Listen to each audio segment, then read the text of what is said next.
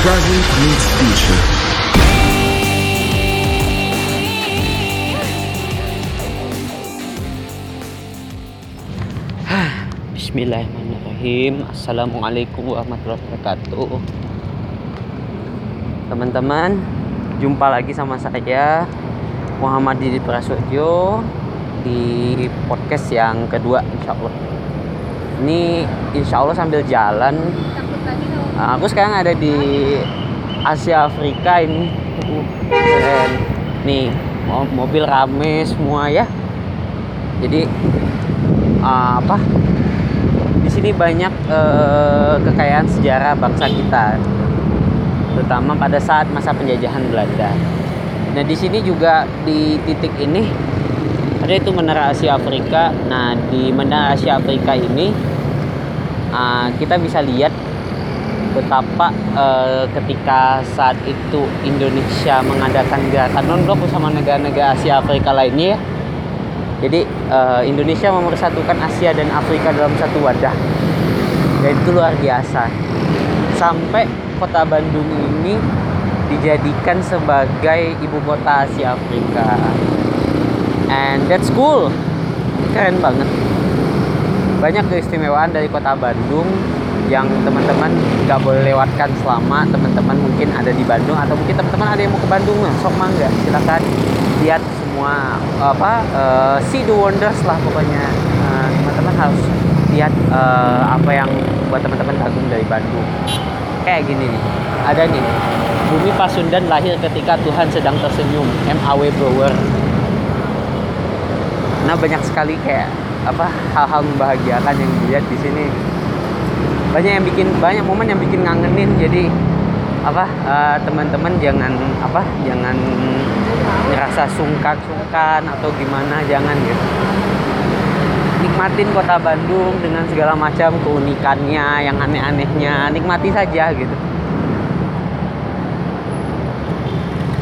Ah, baik. Jadi aku akan bahas topik mengenai ini singkat aja ya. Aku akan bahas topik mengenai eh, keberanian. Ah, pernah nggak teman-teman eh, berpikir bahwa teman-teman tuh kayak gimana ya sulit untuk melakukan sesuatu memulai sesuatu gitu? Nah bisa jadi karena teman-teman itu apa terlalu terpengaruh dengan pikiran teman-teman. Ah, ini berpengaruh oh ah bukan berpengaruh ya tapi dipengaruhi oleh fungsi eksekutif yang teman-teman punya. Jadi otak itu punya fungsi eksekutif sama eksekutif function ya. Nah eksekutif function ini dikendalikan um, apa pada sebagian besarnya oleh apa eh, ini prefrontal cortex prefrontal cortex PFC nah PFC ini mempengaruhi bagaimana teman-teman untuk membuat keputusan eh, apa menyelesaikan suatu masalah dan lain-lain. Nah ini suatu hal yang penting teman-teman pelajari. Ah, sebagai seorang saya sebagai seorang tenaga kesehatan menurut saya penting untuk mempelajari bagaimana fungsi PFC dalam eh, eh, apa kondisi misalnya teman-teman misalnya sakit. Sakit. Sakit itu kan sebenarnya juga termasuk sugesti ya dan juga dipengaruhi oleh hormon-hormon yang diproses oleh amigdala dan kawan-kawan di sistem limbik nah hal yang mesti diperhatikan juga adalah teman-teman bahwa teman-teman sebenarnya bisa melakukan atau bisa mendobrak atau bisa melewati batasan mental teman-teman. Nah, hal yang dapat membantu mendobrak batasan mental teman-teman adalah dengan aktifnya PFC. Nah, aktifnya PFC atau aktifnya prefrontal cortex itu membantu kita untuk dapat berpikir lebih objektif dan melakukan sesuatu yang seharusnya memang dilakukan. Kayak misalnya mungkin teman-teman kayak aduh kok males ya, kok gini ya, kayak sulit sekali melakukan sesuatu. Memang ada yang memang kayak yang udah punya gangguan eksekutif itu memang sulit sekali. Tapi bersyukur bagi kita yang nggak punya gangguan eksekutif, kita masih bisa memperbaiki. Jangan apa menerima keadaan gitu. Kayak ya udahlah udah gue males gitu. Oh, udahlah gitu. Ya udahlah udah gue apa uh, gue memang gak bisa apa-apa gitu. Balik lagi. PFC juga mempengaruhi uh, mengorganisir mengatur kepercayaan teman-teman. Kepercayaan diri teman-teman konsep diri teman-teman itu juga uh, dibantu oleh PFC juga. Dalam arti kata secara apa secara anatominya seperti itu fungsinya.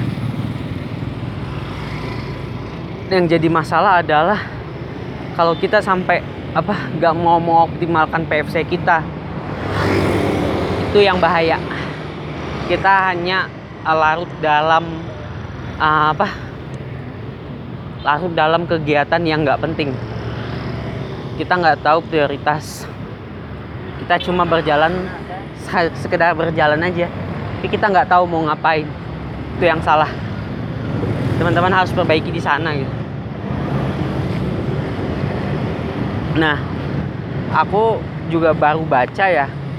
Ternyata salah satu cara untuk apa membantu aktivasi otak PFC ini itu adalah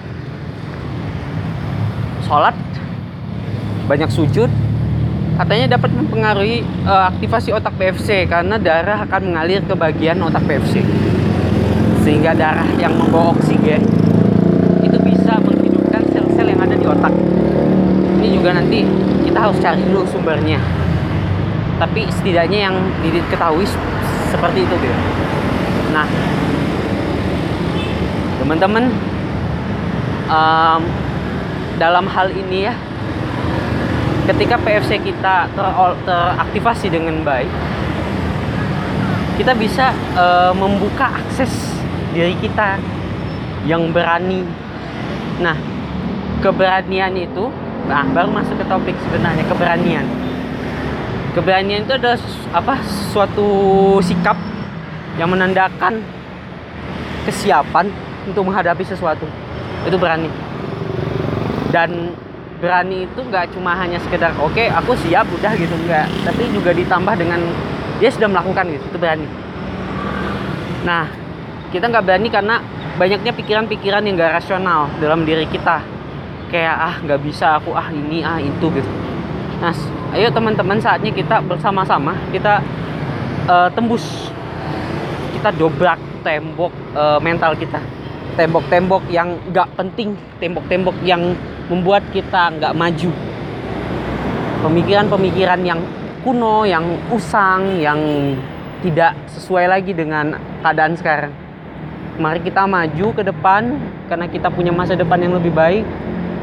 Kita jangan hanya berpatok dengan masa lalu jangan juga menikmati masa sekarang terlalu juga dan juga jangan terlalu banyak berpikir juga jangan dipikirkan masa depan tapi dipersiapkan direncanakan dan juga dijalankan.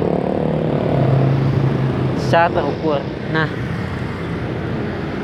konsep uh, keberanian ini juga ditopang dengan kemauan untuk menerima rasa sakit kemauan untuk menerima konsekuensi. Nah kemampuan menerima konsekuensi itu berkaitan dengan bagaimana teman-teman satu bisa meregulasi emosi. Nah, PFC itu berfungsi ber, meliputi fungsi-fungsi pengendalian emosi. Terus kemampuan untuk bisa melihat dari berbagai sisi. Yang ketiga, bagaimana bisa menahan diri. Nah, hal-hal ini tentu penting uh, dibutuhkan ketika kita uh, menghadapi suatu masalah menahan diri untuk tidak marah, tidak merespon uh, sebelum ada informasi yang pas. Uh, terus juga uh, lebih ke uh, bagaimana tidak stuck, tidak kacamata kuda, melihat masalah dari berbagai macam aspek. Nah, ketika teman-teman yang PFC-nya teraktivasi dengan baik tadi, itu bisa uh, apa? teman-teman tuh akan lebih encer tuh ngadepin masalah kayak oh jadi kita nggak langsung impulsif nggak langsung aduh gimana ya aduh gimana ya aduh gimana ya? Enggak tapi teman-teman langsung berpikir oh begini. Tenang. Teman-teman minimal bisa tenang nggak terlalu terganggu emosinya dan bisa berpikir lebih jernih. Nah itu salah satu hal yang membantu dalam penyelesaian masalah yang diakibatkan oleh aktivasi PFC tadi. Dan PFC ini fungsinya harus dikembangkan terus-menerus sebagai bagian dari uh, apa? Uh, berjalannya kita sebagai makhluk yang punya kodrat iradat yang dititipkan ini gitu.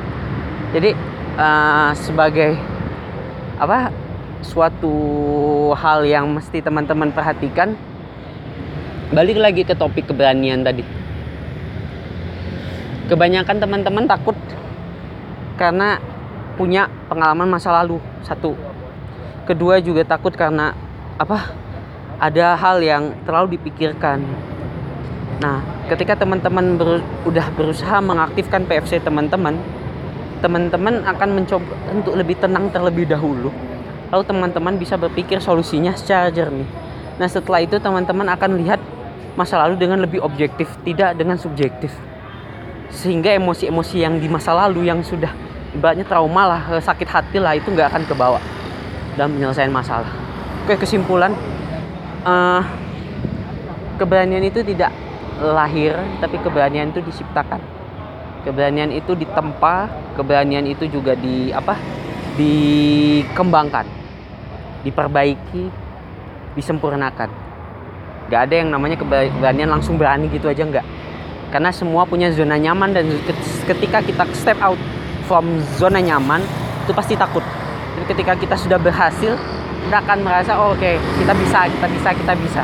Jadi yakinkan teman-teman uh, untuk gaknya dapat menghadapi masalah dengan baik. Ubah core belief teman-teman.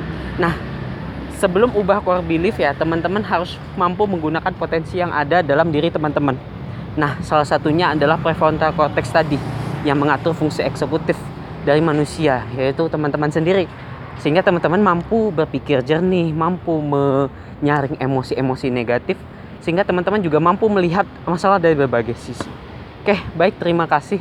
Ini du, ini lumayan, udah nggak apa-apa.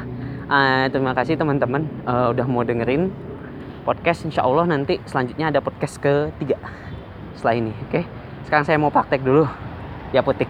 Makasih ya. Assalamualaikum warahmatullahi wabarakatuh. Selamat sore.